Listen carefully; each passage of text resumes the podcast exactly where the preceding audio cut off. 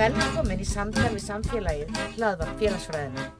Hjá mér í dag er Sigriður Víðis Jónsdóttir en hún gaf nýlega út bókina Vegabref Íslenskt sem hefur vakið mikla aðtikli hér á landi núni í haust.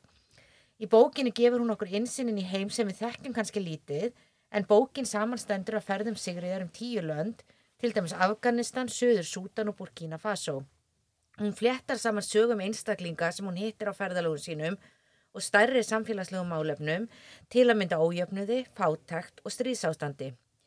Ég las bókina núna í lok september og get sagt að fáar bækur hafa haft jafn mikil áhrif á mig en Sigriði tekst með einstakri næmni að varpa ljósi og aðstöður fólks í mismunandi löndum út frá reynslu þeirra sem hún hittir á ferðalögun sínum. Sigriður var leikil fyrirlesari á félagsfræði deginu sem haldin var hátíðalögur þann annan desember og er hér komin til að spjalla eins við með um bókina á ferðalög sín. Velkomin í hlaðvarpi og takk fyrir að vera með okkur í dag. Takk fyrir. Mér langar að byrja bara eins á byrjuninni og spyrja þig bara hver þú ert. Hvernig stóði ég láð því að stúlka frá Akranessi endaði í öllum þessum löndum og eitti löngum tíma á ferðalögum og framandi slóðum og ofta á tíðum einn? Já, þeirra stórtir spurt. En þetta hérna byrjar, eins og þú segir, allt á Akranessi. Þar er ég fætt og uppalinn og vissi alltaf að mig langaði til að fara af stað þegar ég er því stærri og sjá hvað væri þarna úti. Uh, ég átti landabriðabækur heima og atlasa og leik mér að því að fletta þeim fram og tilbaka og velta fyrir mér hvernig væri í þessum löndum sem ég sá á kortunum. Svo held ég þetta sétt aldrei svona þegar maður fyrir að hafa áhuga á einhverju einu og dettur í það þá er auðvelt að fara bara lengur og lengra í því og mér fannst bara svo áhugavert þegar ég byrjaði að fara að stað og að sjá hvernig annað fólk bjó og hugsa um hvert mitt samband við það fólk væri og hvernig mín staða gagvart þeim væri og, og upplifa svona hvað ég væri raunin mikil forreitnda manneska í lífinu. Að, hérna, að þá einhvern veginn bara fór ég alltaf að fara lengra og lengri í burtu og vera leng, lengur af, hérna, á hverjum stað og, og ég fór að skrifa, mér er alltaf þótt mjög gaman að skrifa, var að vinna sem bladamæður senda frá mér efni á, á verðalegunum og einhvern veginn vatt þetta bara upp á sig og, hérna, og ég gerði þetta bara í þó nokkuð mörg ár að hérna, flakka um og skrifa og senda frá mér efni heim. En hvað var fyrsta ferðin og hvernig svona brúðust vinnir og ættingar við þegar þú sagðist bara ég ætla að fara þarna og vera einn og bara sjá hvað gerist? Já, það fyrir aðeins eftir sko, hvernig maður tilur þetta, hvað var fyrsta ferðina því ég fór fyrst bara, þú veist, sem óper eitthvað þegar ég var 16 ára til Belgíu en var þá þetta líka eins að flakka um Evrópu Nótabenni ég varð fullorðin 16 það hafi verið lagabreiting síðan það, og svo er ég líka utan að landi þannig að mér fannst ég vera mjög stór þegar ég var 16 ára. Síðan fór ég í líþáskóli í Noregi þegar ég var 18 og 19 En síðan eftir stúdent að þá fór ég af stað og, var alltaf harða ákveðin í því að taka eitt ára eftir stúdent áður en ég færi í háskóla. Já. og ég gerði það og var hérna flakkað um það ár. Og það er einhvern veginn viðbröð fóreldri minn og fjölskyldu voru bara frábært. Þau hefur alltaf verið mjög stiðandi og dásaleg. Já. Þannig að hérna, það gekk nú allt saman hérna, bara uh, vel sko. Já, mér finnst það mjög skemmtilegt þegar var held ég Katar þar sem hann vildi láta það ringi móðu þína. Já, akkurat sko, af því að þegar ég er náttúrulega sem mest að ferðast að þá er, það er náttúrulega fyrir tíma snjálfsíma og svo er það eiginlega líka fyrir tíma þess að maður yfirhöfu ferðist með síma. Já. E, af því það á þeim stöðum sem ég var, sem það var kannski öðrum heimsálfum að þá náttúrulega óheirilega dýrt að ringja heim en á móti kemur að það var internet á netkaffjúsum þannig ég valdi að hafa það sem samskiptaleðinu heim. Já og bæði blokkaði ég og svo sendi ég fóröldur minn tölvupost mm. þannig að það að ringja var algjört spari og þegar ég einmitt var tekin hérna í, í góð, góðs fólks í Katar sko sem að segja bara nú ringir þú í fóröldraðina að þá eru þau þetta mjög glöð og hissa að heyra um mér, höfðu ekki heyrtið mér síðan á jólunum þetta var um vor En svo ferði í nám þarna eftir þetta ára, þú ferði mannfræðina hér í háskólanum. Já, ég fer í heimsbyggi, ég tek heimsbyggi til 60 eininga, þá, þá var kerfið hans öðruvísi og Já. tók 30 mannfræði. Já, Þannig að mannfræðin var aukafag já, og mér fannst þetta tvent spila mjög vel saman. Þetta hendaði mínu áhuga sviði mjög vel, annars vegar að bara svona spyrja gaggrínna spurninga og, og ég var mjög ekki að spá í siðfræðilegum álitefnum. Og svona aftur þetta hver er siðfræðilega ábyrð mín til dæmis á því hvernig annað fólk hefur það í hvað stöðu það er. Mm. Ber mér að koma öðrum til hjálpar og það allt. já, Og svo mannfræðinu þetta bara því ég hafði svo mikið áhuga á, hérna, á fólki, sko. já, Og svo fór ég síðar í, í hérna, þróunarfræði, já, tók mistraprófið því.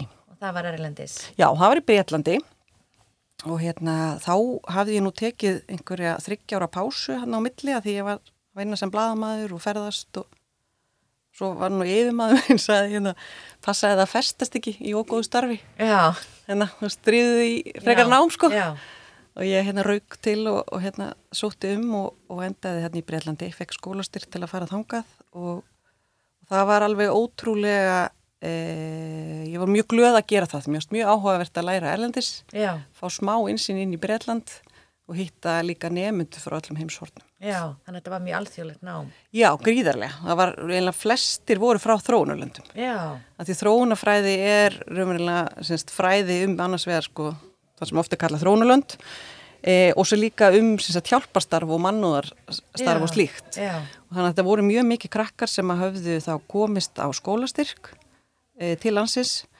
og ætluðu svo öll að snúa aftur heim og hérna hjálpa til við að einhvern veginn að gera landið sitt betra og hjálpa Já. fólki þar sko. já, mér fannst þið mitt mjög áhugavert því að þar kynnist þið mitt einum, einni, ég veit ekki hvað maður að segja með svona bók, ég var að skrifa á þann persónum en Já, akkurat. raunverulegar manneskjur. Þar kynnistu einmitt uh, strák frá Afganistan sem að þú segist hafa fyrst haldið að vera frá Írlandi út af uh, hárlit sem Já. sýnir náttúrulega hvernig við svona oft kannski erum ákveðnar ímyndur um hvernig fólk eigi að líti út Akkurat. og hann svona gengur gegnir nokkru leiki hlutverk í bókin kaplanum um Afganistan sem ég fannst rosalega áhugaverður uh, líka bara að því að þú nærða þessu millipilst ástand í raunni þegar er uppbygging í Afganistan við erum kannski að horfa fram á bjartri tíma en síðan alltaf vitum vel hvað gerist 2021, það er kannski spurning hvort þú vilja segja mér eins frá þessum Já. strák kynniðinum af honum og bara svona upplifin þín af Afganistan Já, einmitt. Ég hérna semst fór til Afganistan árið 2003 þannig að það er sögus við kaplans í bókinni og, það, og kaplan heitir Nýr tímar og þá voru sannarlega ferskir vindar að blása og, og svona alltaf einhvern veginn átt að vera að verða betra. Það var samt auðvitað öskraðið aldrei á mann að það var, e, voru dæmis, það var einlega ekkert búið að tryggja öryggi út á landi, það var alltaf að gerast bara í Kabul sko. Og hérna og ég man að ég hugsaði mjög stert um það byttu, byttu, byttu, akkur tala manni svo Afganistan sé búið sko? Þú veist, hér erum við bara rétt að byrja. Mm. af því þarna var náttúrulega svona vestran stjórnvöld farin að tala bara um Írak. Því þá höfðum við auðvitað ráðist þarna inn í mánuðum áður í Írak. Síðan þreymur árum setna að þá heitti ég eh, Fahim í þessu námi sem ég nefndi áður í Breitlandi og hann, eh, við erum mjög góður vinnir og það var svo ótrúlega fyndið að og það er svona svo holdt stundum að mæta eigin svona fordómum eða hvað er að segja svona fyrirfræn gegnum hugmyndum með mannafólk að því ég var alveg vissum að þessi náungi hann væri bara pottitt einhverstað frá Norður-Evropu mm. og ég með tippað á Írland sko að því að hann var sérst mjög ljós yfirleitum, einlega svona alveg bara glær. Og svo hérna svona rauðbyrkin sko með rautt hár og rauðleitt skegg og einhvern veginn veist, græn augu og það var einhvern veginn allt við hann sagði að hann væri einhverstað svona nálagt mér í, heims, í, í heiminum sko. En svo náttúrulega reyndist hann vera bara borin og bartfettur afgani.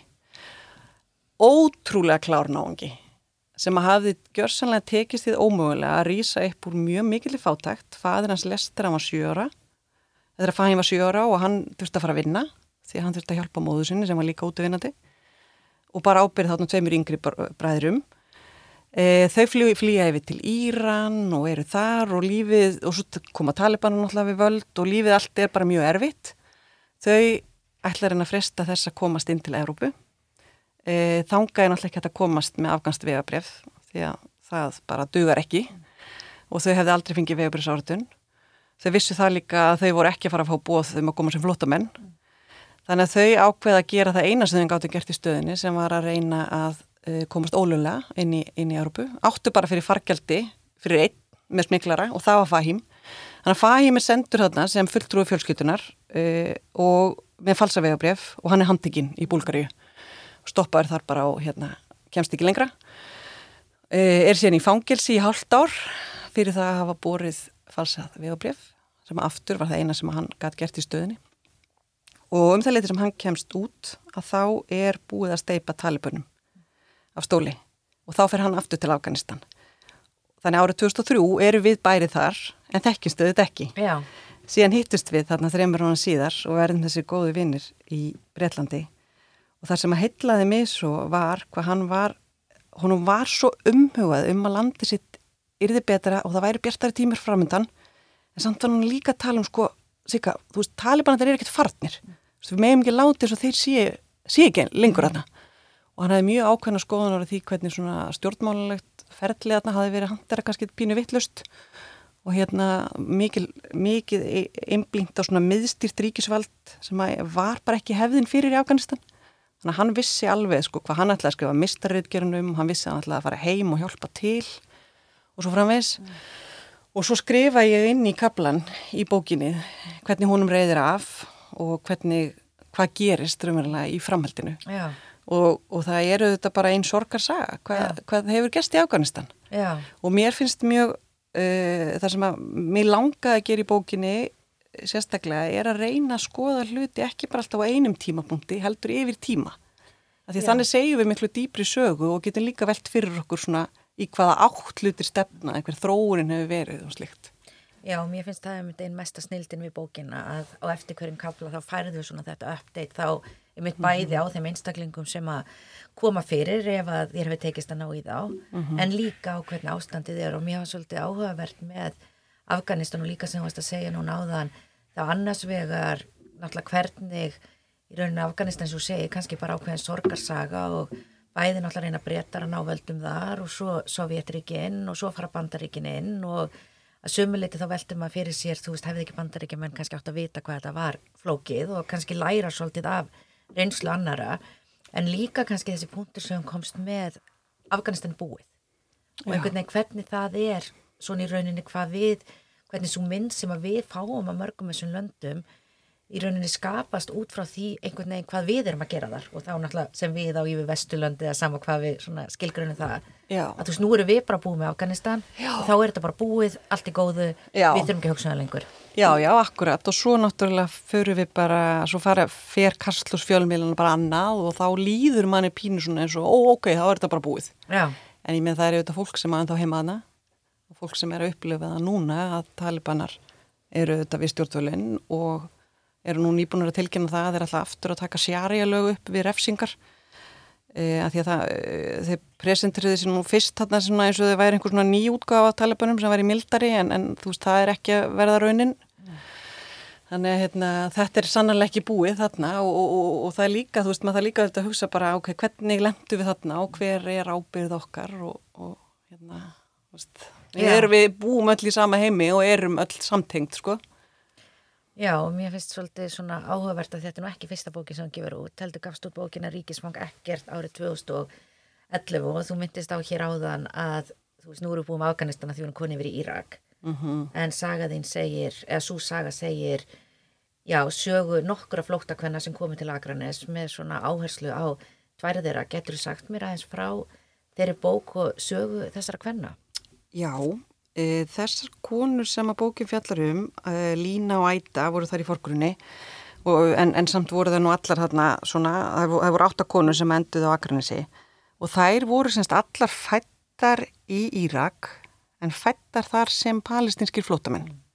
Því að þær höfðu, þessist foreldrar þeirra höfðu öll átt heima á svæðinu sem er í kringum Haifa í Ísrael sem að þau náttúrulega kolluði Palestinu því að þá var Ísraelsík ekki til, síðan var Ísraelsíki stopnað á landinu þeirra og þá flúðu þau í burtu í stríðsátokunum sem því fylgdi, heldu þetta þau myndi bara vera í burtu í nokkra daga eða vikur, en svo urðu það þetta bara mánuði sem urða árum og áratugum og þau leituðu skjóls í Írak og fengu það og Saddam Hussein hérna hann tók vel á móti palestyrku flótamörunum og síðan gerist náttúrulega það að það er aðast inn í Írak og, og þá uh, verður þeirra líf óbærilegt mm. því ofsóknir hefjast gegn þeim og þá lenda þær á flóta og þá höfðu semst voru fóreldir að þeirra þá að lenda á flóta í annað skipti sko yeah.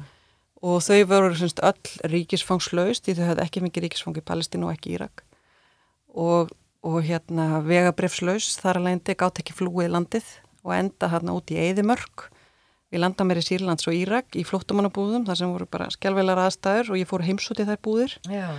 og síðan er það þá Íslands stjórnveld sem að bjóða þessum konum að komast í burtu því þær gátt ekki komast í burtu sjálfar mm vegna þess að þær hafði ekki vegabref og það sýnir okkur kannski aldrei það hvaða er mikilvægt að stjórnveld líka hugsa um það að bjóða hópum í viðkvæmri stöðu í burtu. Já. Það hafi ekki allir færi á að, að leggja upp í hættu föru eða, eða bara komast ekki yfir landamæri eins og þær. Sko.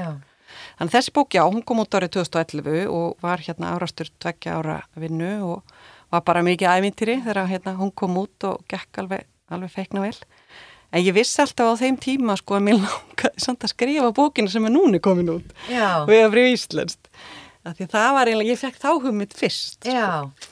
En svo kom þetta efni með konundin á Akranissi bara upp í hendurinn á mér og þú veist það, ég varða að skrifa þá bók Já. því að þarna var svo augljóst hvernig við tengjumst all Já.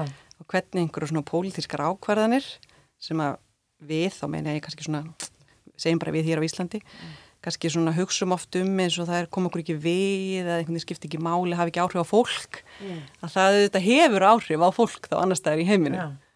og það eru þetta alltaf magna og þú getur bara verið með eina mannesku það sem þú segir sögu hennar og ert um leið að segja sögu af innrási í Írak og segja sögu á stopnum Ísæsíkis í Palestíni og segja sögu af íslengu stjórnvöldur sem ákveða bjóðum í burti og svona. Mér er alltaf þetta rosa heillandi að tengja einhvern veginn manneskuna við þetta pólitiska. Já, mér finnst það rosalega áhrifaríkt og ég held að líka kannski svona hjálpi, já við getum sagt bara Íslandingum eða bara fólki almennt er myndið að skilja nákvæmlega þetta sem við erum að tala um þessar stærri stjórnmannlegu ákvarðanir uh -huh. sem skiptingum máli hafa engan áhrif en þeir eru virkilega að hafa áhrif á líf fullt af fólki, fólks og jafnvel fólk sem er mjög fjarlægt okkur. Og mér fannst mjög áhugaverð í þessum kapla sem ég hafði ekkert litans vita því að við sjáum auðvitað Saddam Hussein sem já, afar slæman mann, það er náttúrulega svo mynd sem hann hefur og uh -huh. ég ætla ekki að fara hér að tala um hann hafi verið einstaklega góður maður. En þetta er mitt að hann í rauninni ég býður þessu fólki upp á allavega mannsæmandi líf þó að kannski það hef ekki haft alveg sömu réttindi og þeir sem voru fættir í Írak og þar að meðal hafa ekki vegabref uh -huh. en í rauninni innrásin í Írak er í rauninni það sem að bara setur líf þess að fólks í algjöra upplöst og þú talar um það náttúrulega eins og dæmin með að þurfa að standa í röð til að fá einhverja áritun geta ekki unnið geta mm -hmm. ekki búið þar sem við byggu Já, já, já Íraks innrásin koll var bara algjörlega þeirra tilveru að því að þau höfðu haft að bara gott í Írak sem var auðvitað land sem var undir viðskiptaþingunum og það allt og, og þvíleitinni til var það erfitt en svo pólitísk staða þeirra hafði verið góð Já. og réttindi þeirra hafði verið tryggð Eh, að öllu öðru leiti því að þau fengu ekki ríkisfang og það var þá svona liður aftur í svona stærri pólitískum leika ef að hérna Íraksfossiti hefði sagt í ákveð því fáið bara ríkisfang hér þá var hann að láta Ísrael sko vinna af því þá veri paldísku flótumöndur hortnir og vandamáleiki lengur til staðar þannig að þú veist, menn hafa þetta mikið verið að sko paldísku flótumöndur þeim, þeim ekki hverfa inn í löndin, þeir verða að vera yeah. áfram til staðar sem hópur svo að sé hægt að beita það einhver ísæl einhverjum þrýstingi og þarna sé maður bara aftur hvernig fólk er bara að nota sem peði einhverju pólitísku tabli sko já. hérna, já og mjög slíka mitt mjög áhrifaríkur kaplin um Ísrael og Palestínu og það er náttúrulega kannski ákveðin svona mynd sem oft er haldið upp fyrir okkur hvað nákvæmlega er í gangi þar en það í rauninni er alveg svakalegt að kynna sér þess að sögu og lesa hennan kapla þar sem þú bæðin alltaf talar um hvað ríkið hefur minkað rosalega mikið mhm. -huh. og einhvern veginn bara hugsa um að hér á Íslandi hvað myndu við gera ef að það kæma kannski bara einhverju finnar og myndu segjast nú er bara, erum við með 90% á landin ykkar á Íslandi Já, akkurat, ég... og, hérna, og líka náttúrulega eins og talar um bara með ekki keira á vegi, vegunum mhm. -huh. þú talar um hvernig þú gast farið og skoða í rauninu æskuslóðir, foreldrana sem að konurnar upp á Akranissi voru ekki aðstöð til að gera Já, ummitt. Ég hérna fór það þessins til Palestinu árið 2010 í tengslum við vinslu fyrirbókar og nú hef ég skrifað þá um Palestinu í tveimu bókum að því fyrirbókinni þá er eru við eiginlega stödd Ísælsmein í Palestinu þar sem að ég get farið og fundi rústirnar af þorpunum sem að þær koma úr og Ísæl myndu þetta aldrei hleypa þeim inn.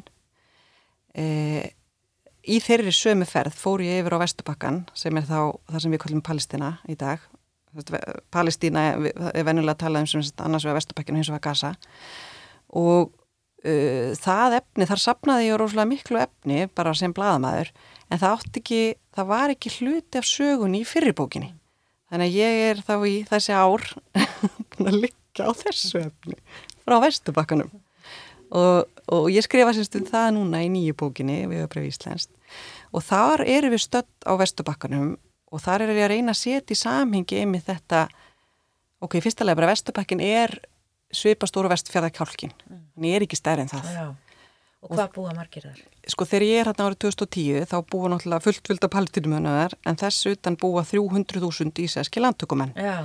sem er tala sem að ég á þeim tíma svitna hefur að heyra á einhvern veginn Jújú, jú, ég hafði alveg heyrt áður í fréttum en það er auðvitað öðruvís að fara þá og meðtaka hvað þetta þýðir sko. Já.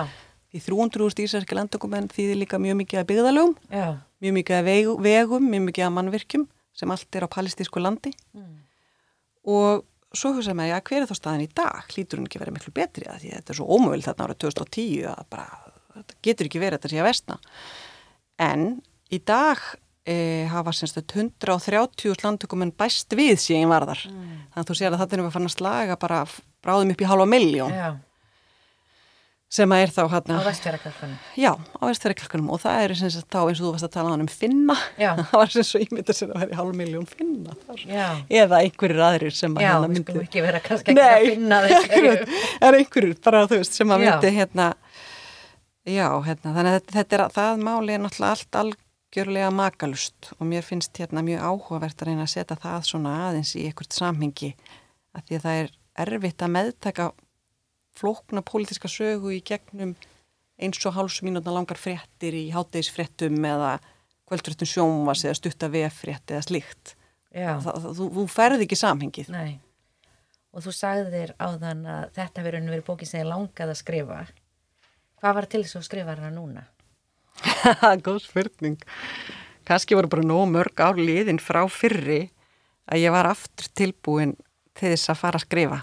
Það því að eftir þessa, eftir að ríkisfanga ekkert kom út, þá var ég svo lafmóð því það hafi verið svo stort og mikið verkefni og ég var bara svo búin á því eftir á að ég þráði bara að fara í svona launaða vinnu, mm. þar sem ég myndi bara mæta á einhverja skrifstofu eða bara svona heðalana vinnudag og fara svo heim og hérna, og svo þegar maður er búin að gera það í daldi langa tíma, þá kannski langar maður bara að gera hitt sko mm.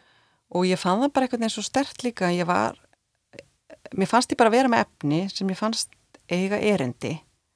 Og þá gæti maður húsa, akkur fannst mér eiga meira erindi nú en, en áður?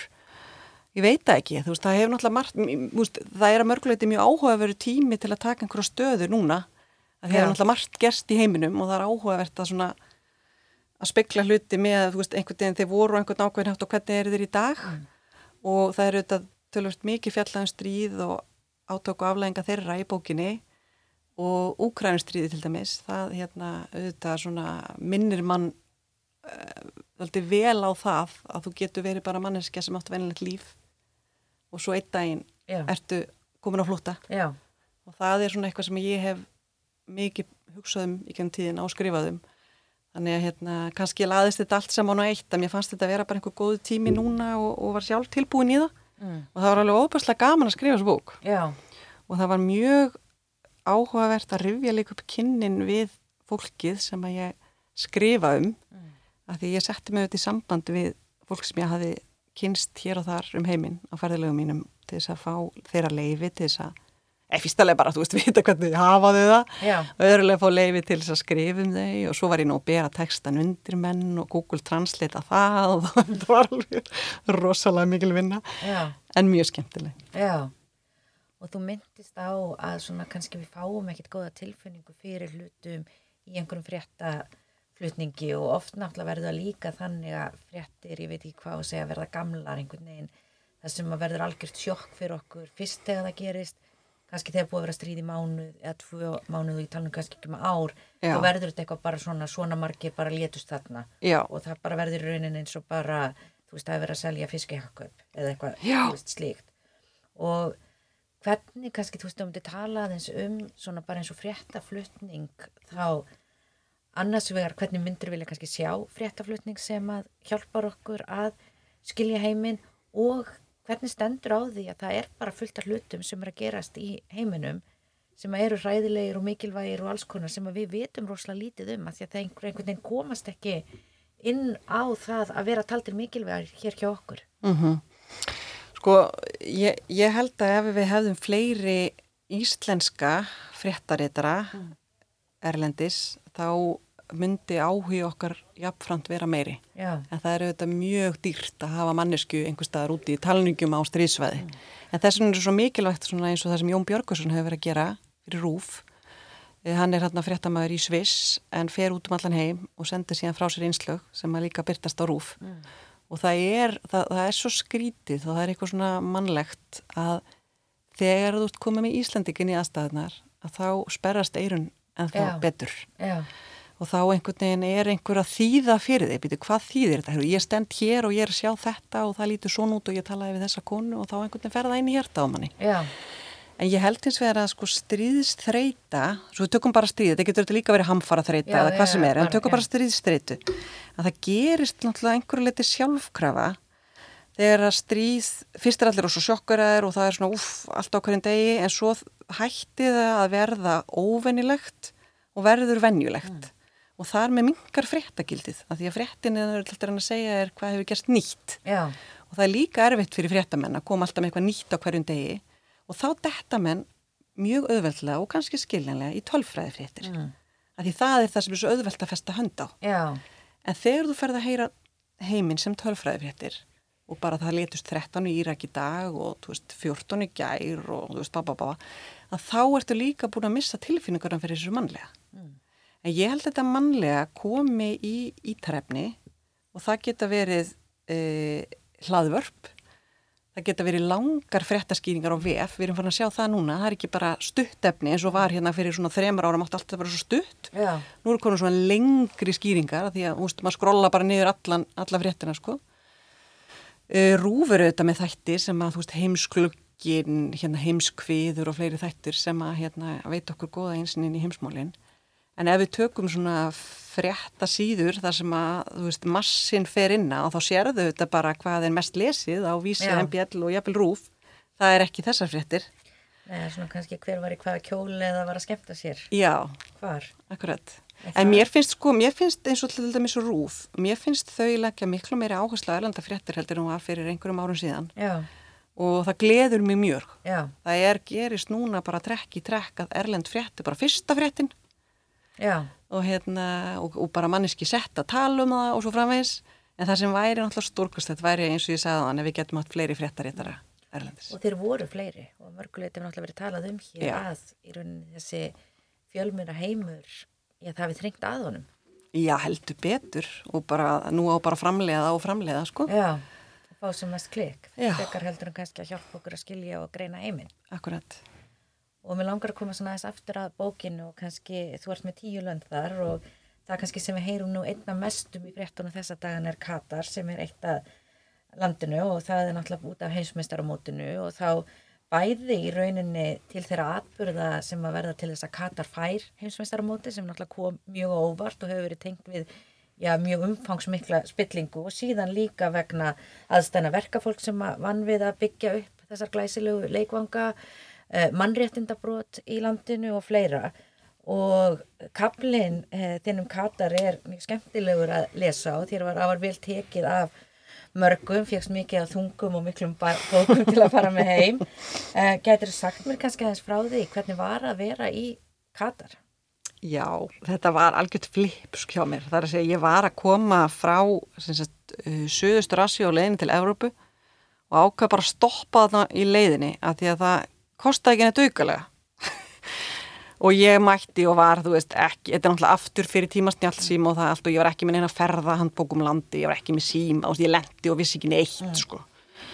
og var einhvern veginn ekki búin að pæli bara hvað heiti gjaldmiðlina, hvað ætla ég að sofa hvernig ætla ég að gera þetta og hérna, og ég hugsaði fyrst bara, ah, hverju ger ég svona hluti, hvernig er ég aðeins búin að pæla þetta betur út og eitthvað, og fannst þetta nú fyrst allt eitthvað svona hálfu ómúilegt, en svo endaði þetta með að vera svo stórkostlega eftirminnileg dvöl af því að ég komst náttúrulega þarna í, hugtak, í tæri við hugtaki arabísk gesturistni mm. og hún er náttúrulega engu lík og hérna mitt ég var hlaðinn gjöfum og hérna loðstu út um allt og sínt og veist, bara fekk þessar ótrúlega góðu móttökur í landi þar sem það var samt svo hugljóst að það var mjög mikil rasism í gangi hvert erlenda verkafólkinu. Já. Þannig ég kem að það inn sem vestræn kona, eða sem, sem vestrandabúi held í nummer eitt, bladamaður, þú veist það tikkaði eitthvað bóks, svo var ég auðvitað líka kona en það var eins og það skipt engumáli. Mm. Þar sé ég var bara gætt gengið þetta inn í kallaklúpa og svona þess að það væri neitt að, það var eins og sko það að ég væri frá forreitindalandi auðugu að það einhvern veginn núlað hitt út. Uh, en svo sá maður auðvitað bara hann að Nepala og Indverja út um allt að vinna sko. og var það þó ekki neitt með að við þá átti eftir að koma. Því þegar ég var hérna þá voru semst útlendingar 75% af íbúum landsins en er í dag 90% Já, og þegar ég heyrði að háa þetta að fara fram í Katar þá bara gafti ég. Já. að því að það þurfti náttúrulega, það var svo augljóst að það þurfti að byggja náttúrulega fyrsta lagi fullt af leikungum það semst þurfti að byggja sjö af átta leikungum Já. og svo náttúrulega bara þurfti að mók upp hótelum og askismarmerkjum og þetta er allt erlend verkafólk Já. gert og mér langaði einmitt að geta sagt svona þessa sögu í bókinni sem ég vissi að myndi koma út sem sagt núna að því að hérna HM, það var alltaf fyrir, lág fyrir að HM er á þessum tíma þannig að ég var alveg á því að þetta vera kapli um Katar mm. í bókinni að því að hann sýnir manni líka sko hvað heimurinn er í mörgum letum Já að þú veist það er ekki allir vondir í Katar sko þó að þessi verið að brjóta hérna mannreitnundunar og, og margt einhvern veginn galið í gangi og vond framkoma verkafólki að þá er líka margt annaðar Já, nei þetta er náttúrulega rosalegt, ég held að það hefur sagt í bókinu að hvað, þetta hefur kostað 27, heildartökur Íslenska ríkisins í 27 ár, ár. Sko þessi, ta já, þessi tali með svo mörgum nullum að já. ég eiginlega myndi ekki geta skrifað hann á blað Þannig ég fór að hugsa bara, ok, hvað er þessi tala? Hún er heldartekju Íslikaríkisins í öll þessi ár svo nefnir. Hún er líka til dæmis 309 landsbítalar. Já. Og við skulum átt okkur að því að eitt landsbítal er óheirilega stór framkvæmt og fjárfrögg. Já. Og þannig er þetta að tala um sko 300. Já. Þannig að þetta er engar smáveist tölur í landi þar sem að sko katarar eru jafn margir og íslendikar. Nei, það eru enda næst færri. Já. Við erum ánum það mörg sko. Þeir eru eitthvað 330.000. Já en þetta náttúrulega sýnir alveg ótrúlega vel einhvern veginn náttúrulega bæði það að það er til alveg rosalega mikið af peningum í heiminum sem eru notaður í mm -hmm. alls konar hluti og ég ætla náttúrulega ekki að gera lítið hér úr fókbólta en mm -hmm. sem að síðan náttúrulega eins og sjáum líka í bókinni náttúrulega er alveg rosalega mikið náttúrulega miljardar fólk sem búa bara í það sárri fátagt og mjög áhugavert og talar um í Eþjópíu að hafi rauninni aldrei fyrr hitt mannesku sem að gæti raunverulega bara dáið úr hungri bara þann sama dag. Mm -hmm. og einhvern veginn þú veist þetta svona verða þessar spurningar um hvernig erum við að gera þessar ákvarðanir? Já. af hverju erum við ekki að sjá um fólk fyrst? Já, já, akkurat sko. Og það er þetta líka alltaf skrítið maður er búin að vera í svona innan um mjög mikla fátækt og svo stígum maður upp í flugvél flýgur í einhverja klokkutíma og kemur út úr flugvélinni í einhvern veginn allt annað samfélag. Já Og það er líka svo áhugavert að sko mann, og mín eigin félagsli staða kannski bara breytist við að fara inn í flugvélina og koma aftur heim. Já. Að því að maður getur verið í einhverju landi og verið þar einhvern veginn vell auðugur með að við, hérna, þau sem þar eru. Já. Talingum við mannesku sem, með að við mannesku sem að geti bara í alvörinni að látist úr hungri sko. Já.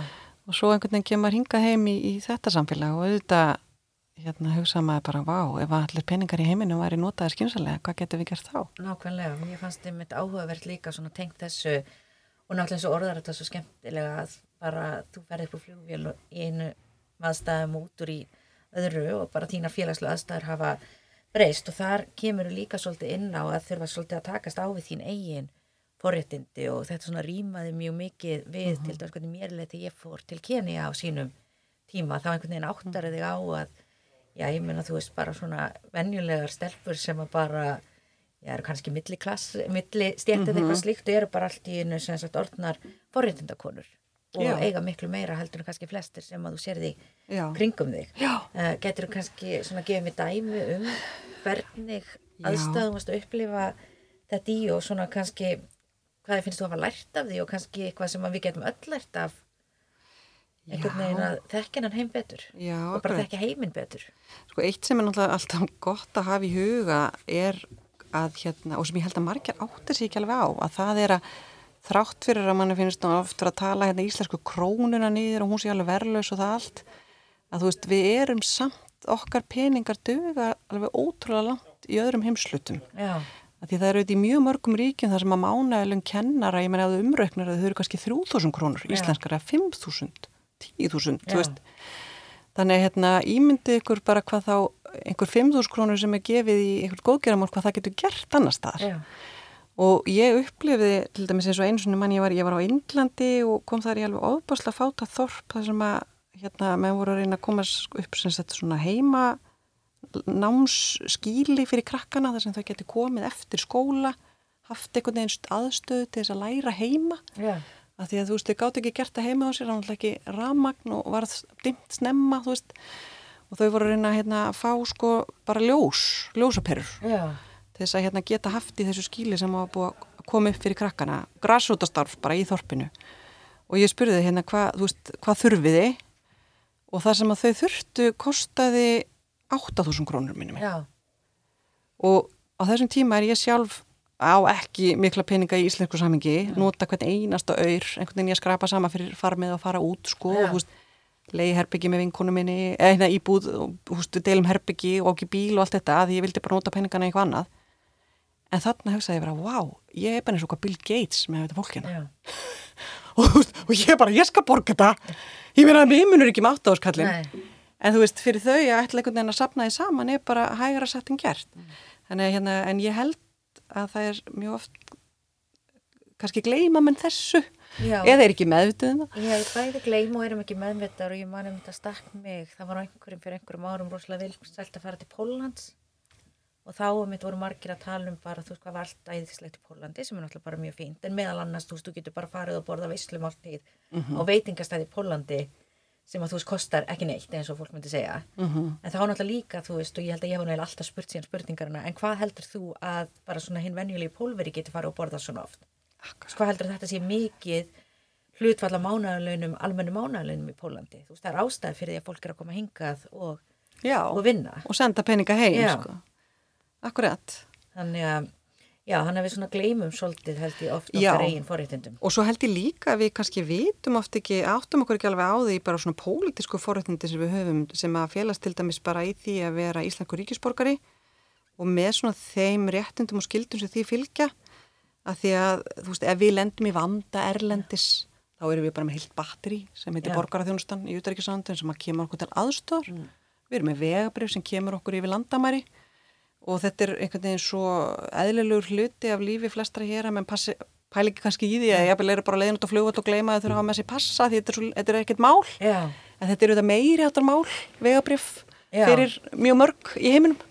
Já, maður sá það auðvitað alveg og nú er náttúrulega miklu veikara ríki í bandaríkjunum þar sem ég bjó í 17 ár og bara til dæmis að sjá það öryggi eins og ég sagði nú oft við félaga mína það er að sko ég var alveg sannfærin það að ég lendi í einhverjum verulegum vandröðum einhver staðar að það myndi bara koma flugvél frá Ísl Æslandir og ná í mig.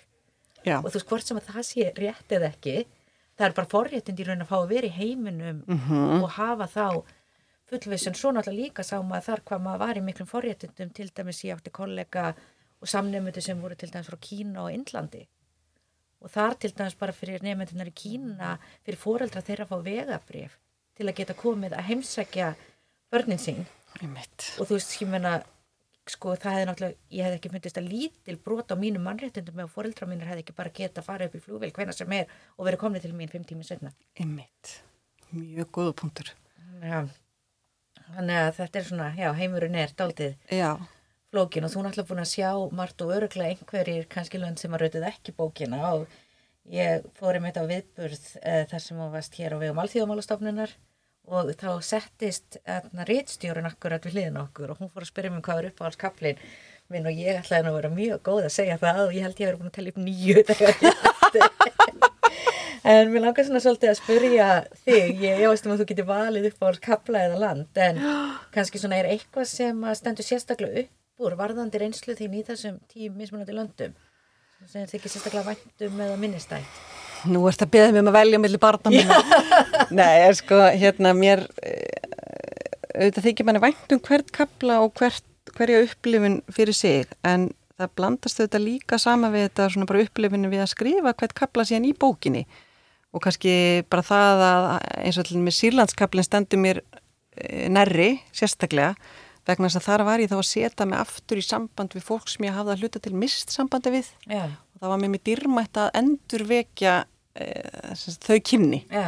og bara heyra hvernig þetta fólk sem hafði einhvern veginn verið hluta lífminu Já. svo bara í dagsins önn hafði ég svona aðeins mist sambandið og bara svona endurvekja það þannig að það sákabli og það sem ég einhvern veginn þar lærði það fylgir mér mjög Afganistankablin, hann einhvern veginn snertir alveg einhverja sérstakataug í mér um, Palestína því að það er svo mikið það er svo ótrúlegt ástand eða ástand, bara ótrúlegt hérna, ótrúlegt staða sem er þar og hvernig henni er einhvern veginn liftað að bara halda áfram sko.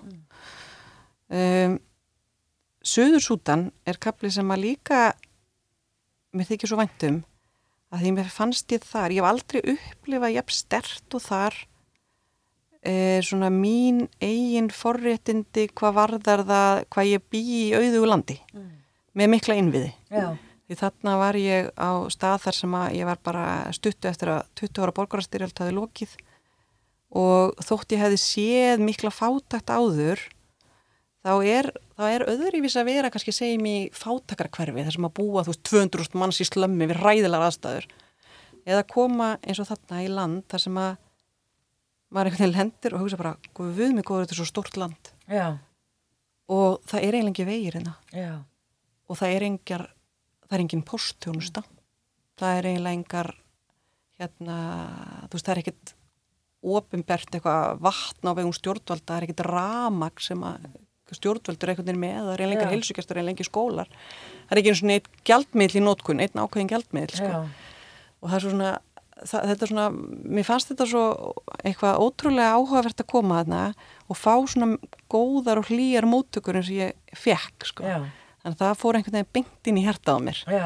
Og svo ákveði ég að skrifa inn í bókina það þegar ég kem úr þessum fátæku en óbærslega hlýja aðstöðum og lendi bara í köldu kringlunni rétt fyrir jól. Já. Bara með neyslu þjóða og hlaupum, sko. Já. Ég, ég, ég get ekki sleppt í því það er hluti af sögunni. Já, Nei, það sýnir okkur náttúrulega alveg rosalega vel þessar hluti og líka náttúrulega eins og talar um sem við kannski metum ekki eins og vættum ofta að gera bara þessa innviði sem í rauninni komast ekkert sjálfkrafa en eru pólitískar ákvarðinni sem voru teknar á einhverju tíma beinleiti og hvernig náttúrulega bara hvernig við höfum fengið kannski að eiga okkar peninga sjálfa því við sjáum náttúrulega líka mjög mikið af þessum löndum hafa náttúrulega bara hreinlega verið arðurænd af öðrum ríkjum Já, heldur betur. þannig að þetta er ekki einfalt og svo kannski svona þú við tölum aðeins um uh, já, það er ymsar ástæða fyrir hvað mér finnst bókin góð og merkileg og sagði nú til dæmis hér í viðtalið við fléttablaðið og hún ætti að vera skildulesning fyrir alla Íslendinga og þá meðal annars út af þessu því ég held hún sín okkur virkilega vel hvað heimurinn er fjölbreyttur og náttúrulega hvað við höfum það gott en þér líka tekst að gera hana mjög svona skemmtileg og þér finnst, já mér fannst eiginlega bara að vera með þér Eitthvað gaman að heyra. að þarna mér langar svona aðeins að heyra frá þér að þarna segja, mér finnst hún eða skildulesning og hef ástæði fyrir því en svona kannski hvað finnst þér mikilvægast fyrir okkur Íslendinga að læra bókinni og svona þú ættir að segja þú veist, hér eru skilabúðin Já, ymmit. Ég er ábærslega glöð að þú skildir hafa tekið útrunni það að heimurinn sé fjölbryttur og að því það sem ég langaði að gera var ymmit að sína annars vegar hvað hann er ótrúlega fjölbryttur og hins vegar hvað við erum með öll lík Já. líka og endanum er fólk bara fólk. Já, Og fyrir mér er þetta bók um mennsku, um samkend og það sem ég langaði að gera var að reyna að færa hluti eins nálegt fólki og ég gæti. Og ég hugsaði, til þess að geta gert það, þá þarf ég bara að bjóða lesendur með mér í ferðalag og ég verða virkilega að taka viðkomandi á staðinn og reyna að afmá þetta sem að býr svo auðveldlega til fjarlæð á milli okkar og hinna. Mm. Og það var það sem ég langaði að gera og mér langaði að gera það e, um leið og ég myndi reyna að svona flétta sama við að þú veist ástandi á viðkomandi stað eða einhverjum pólitískum ákvörunum eða öðru sem að fólk kannski hefur almennt ekkit áhá mm, en þá er einlega kunstin að reyna að flétta það sama við og lauma því með sko. Já, þannig að hérna já, ég myndi segja að það var svona það sem ég lagði upp með uh, í þessari bók. Já. Nei og mér finnst það svolítið svona þessi einhvern veginn, þú nærið þessu, þú veist bara þessi einstakling fættist bara alveg eins og ég í allt öðru sem kannski aðstæður en er í rauninni kannski með svipaðar langanir og áhyggjur og allt slíkt en síðan ferð að sjá hvernig hlutir sem eru mannana verk annara þjóða eða einhverja valda mikilvæg aðila innan ákveðna þjóða sem er að hafa áhrif og skapa já, svona þessar aðstöður sem að náttúrulega uh, allavega í mörgum koplunum eru held ég ég held að sé alveg að segja séu óásettanlegar bara út frá því sem að okkur bara finnst um hvernig á að koma fram með fólk. Já, algjörlega. Og hérna, þú veist, allt sem við gerum hefur áhrif, hvort sem að það er við sem einstaklingar eða einstaklingar sem við höfum valið til að stýra hvar svo sem þeir eru í heiminum. Þú Veist, við erum öll samtengt og, og mér finnst að við eigum sem flest að vera meðvituð um það hvað á sér stað í heiminum. Já, og hérna, þetta, þessi bók er bara ofurlítið innlegg í það að reyna að hérna, fá fólk til að horfa aðeins út fyrir landsteinana. já og svona með að lesa bókina og spjalla við og svona hef ég svona tilfinningunni að þú hafi eiginlega bara farið til allra landa í heiminum Nei, það er ekki rétt. Mér langar svona í lokin bara að spyrja hvort það sé eitthvað land sem stendur sérstaklega upp úr á ferðalóðinum og kannski eh, en frekar hvort það sé eitthvað land sem að þú átt eftir að heimsækja sem ég langar sérstaklega til. Heri, við fjölskyldan erum búin alltaf að reyna að fara til Vietnam síðan að COVID hóf, hérna kom. Vi, við stóðum beinleins á dyrapallinum að fara út. Svo setti Trump að ferðabannið á og þá hættum við að fara. Það var vikan þar sem allt fór í vaskin. Já. Svarti mánudagur og það er alltaf í mars 2020. Þannig að hérna, við ætlum að reyna að fara þangað fjölskyldana. Því nú er ég semst komið með hérna, tvö ung börn og, og hérna, tókum við svona smá ferðalagapásu en við erum byrjuð aftur vorum í ferðalagi sumar í Tyrklandi og Greiklandi og ætlum að reyna að fara í þessa Vietnamferð. E, mér langar hins vegar óbúslega mikið líka að fara sjálf, eða ég veit ekki hvernig ég gera það, kannski er þetta bara draumur sem verður aldrei að veruleika, en mér langar að fara aftur og sjá hvernig lítur út í Sýrlandi í dag. Já, Því það stóð, stendur hjarta mínu næri og það er óbúslega sorglegt hvað þar átti Já. sér stað. Og það er svona einn af þessum stöðum sem að hérna ég bara, já, þeim er mér mjög kær. já. Herði, ég held við látum það bara vera loka orð og bara takk kærlega fyrir að vera með okkur hér í dag og bara takk fyrir að skrifa þessa bók. Takk fyrir að bjóða mér og fala svona fallegum bókina.